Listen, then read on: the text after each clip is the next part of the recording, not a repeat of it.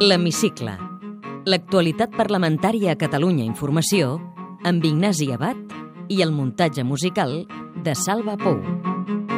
Esmenes a la totalitat de retorn del projecte de llei de pressupostos de la Generalitat per al 2014 han estat rebutjades per 61 vots a favor i 70 en contra. Els comptes de l'any que ve han superat el primer escull parlamentari. La majoria de Convergència i Unió i Esquerra Republicana han tombat les esmenes a la totalitat de l'oposició. Són els primers pressupostos de la legislatura després de la pròrroga del 2012 i sota el principi de no hi ha noves retallades quadren els números gràcies a una previsió d'ingressos de 2.300 milions d'euros via venda d'actius i privatitzacions o el que vingui de la negociació a Madrid, deia el conseller Andreu Mascolell. Hem posat en marxa la Comissió d'Optimització d'Actius, que farà les propostes corresponents sobre com arribar a la quantitat necessària. Els treballs s'aniran desenvolupant al llarg de l'any, amb l'objectiu de cobrir aquesta quantitat o la diferència entre aquesta quantitat i el que es pugui aconseguir per la via d'acció política. L'oposició diu que els comptes són antisocials, no ajuden a combatre la crisi i no concreten què vendrà o privatitzarà la Generalitat. Sentim Albert Rivera de Ciutadans, el socialista Maurici Lucena, Enric Millo del PP, Josep Vendret d'Iniciativa i David Fernández de la CUP. Vostè ha fet aquí de màgic Andreu Mascolell. Ha agafat els pressupostos i ha fet màgia. Ha posat una partida i diu calculem que traurem 2.300 milions d'euros i farem la venda d'actius i de concessions. un simple brindis al sol que en realitat el que els ha forçat és a quadrar els números, a fer-los opacs. i estem convençuts de que aquest pressupost aparta Catalunya del camí de la recuperació. No són els pressupostos de la fi de les retallades, són els pressupostos que en qualsevol cas fan emergir les retallades amagades de 2013. o retallades o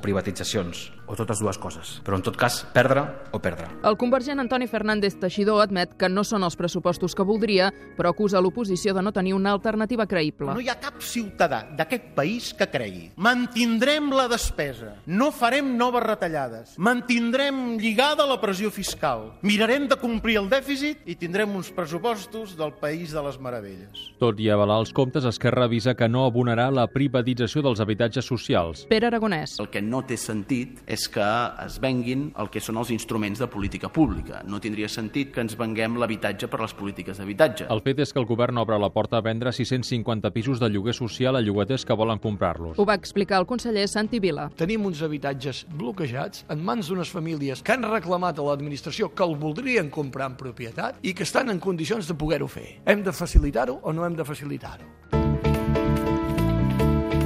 Com el projecte de llei de pressupostos, la norma que l'acompanya, la de mesures fiscals, també va superar el primer debat al ple gràcies als vots de Convergència i Unió i Esquerra. L'oposició va carregar contra la creació de desenes de noves taxes. Escoltem el diputat popular José Antonio Coto i la rèplica del conseller d'Economia. L'actual govern ERC, Convergència i Unió, prefereix apujar impostos a eliminar despesa supèrflua. Això és el que hi ha. Si t'imposen un 1% i et detrauen 550 milions, doncs surt el que surt. Un dels nous cànons plantejats, el de l'aigua als ramaders, fa marxa enrere de moment. En una reunió al mateix Parlament, el conseller d'Agricultura es va comprometre amb el sector dijous a aplicar una moratòria d'un any. Josep Maria Pellegrí. S'ha plantejat que hi hagi un any de carència a l'aplicació d'aquesta nova imposició que es fa en el sector i, per tant, que a partir d'aquest any i de l'1 de gener Eh, comencem a negociar. Nosaltres entenem que qui contamina ha de pagar, però qui no contamina també ha de tenir uns beneficis.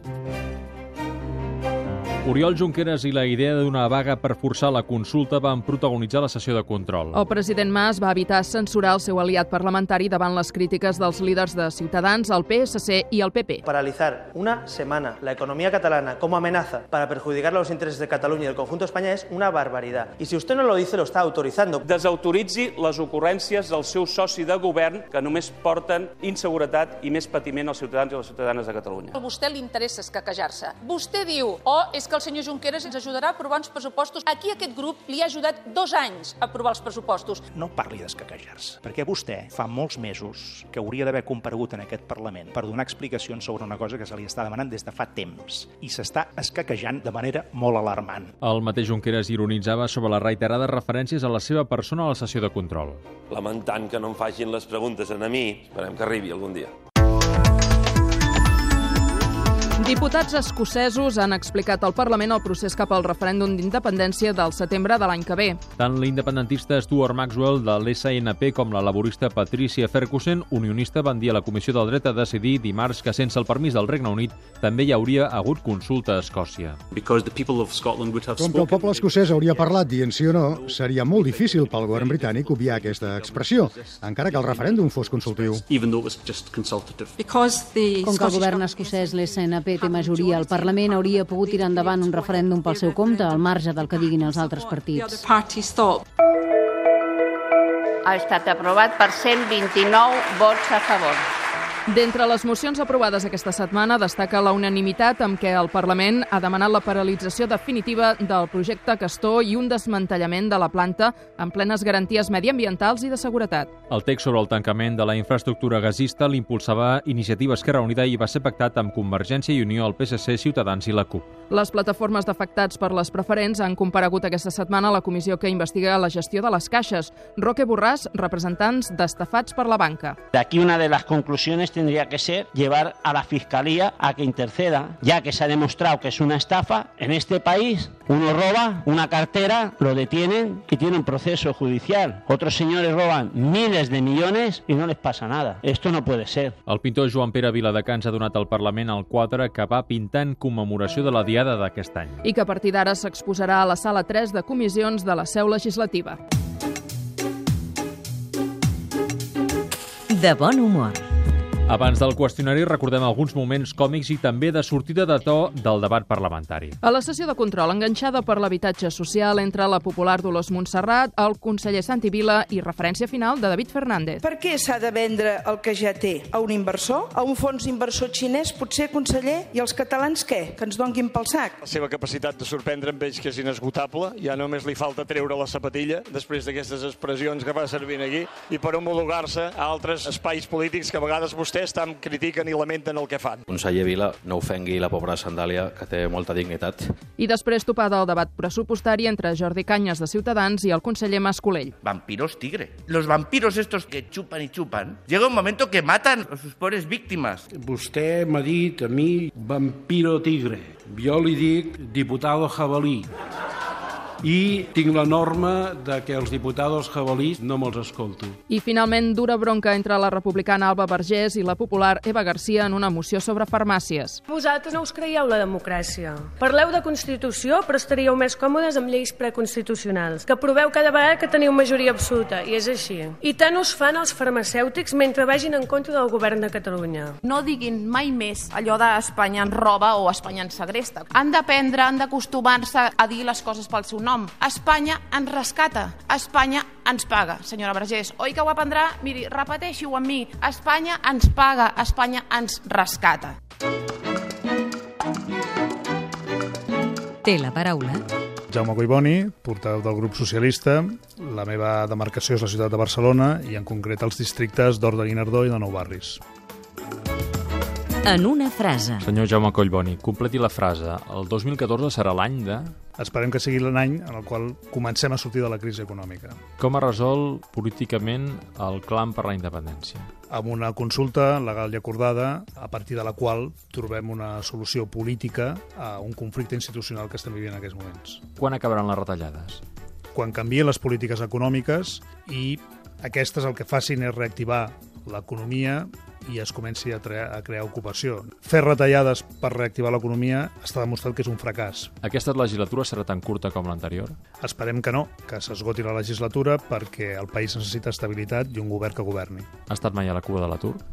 Doncs sí, dues vegades. Si es queda sense feina, quina és la primera porta que trucaria? La meva pròpia per tenir una idea, per muntar un negoci o tenir una iniciativa empresarial. Quan paga de lloguer o hipoteca? 1.200 euros d'hipoteca. Ha cobrat o pagat mai en negre? No. Posaria la mà al foc que al seu partit mai ningú ha comès cap irregularitat? Sí. De què ha treballat abans de fer de diputat? De tot. He fet de sabater, d'encastador, he treballat també d'assessor jurídic, he fet tot tipus de feines des de que tinc 16 anys. Quins estudis té? Soc llicenciat en Dret i tinc un postgrau universitari també. Un viatge pendent? Japó. Creu en el destí?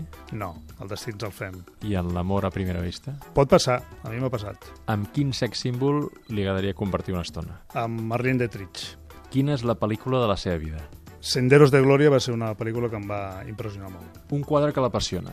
Doncs un quadre de Hopper que es titula Nighthawks i que és una barra de bar eh, il·luminada per la nit en un carrer de Nova York on es veuen totes les perspectives i els contrastos de llums que són tan propis i típics de Hopper. Quina novel·la ha llegit aquest estiu? He rellegit la novel·la de Cortázar, Rayuela, diguem-ne que m'ha reconciliat de nou amb una certa literatura latinoamericana, Una cançó que no es treu del cap. una dels Blaumut que es diu Bicicletes. Quin plat cuina més bé? La paella no se'm dona malament, Quants diners porta la cartera habitualment? 20 euros. Una mania confessable. És que jo crec que no tinc manies.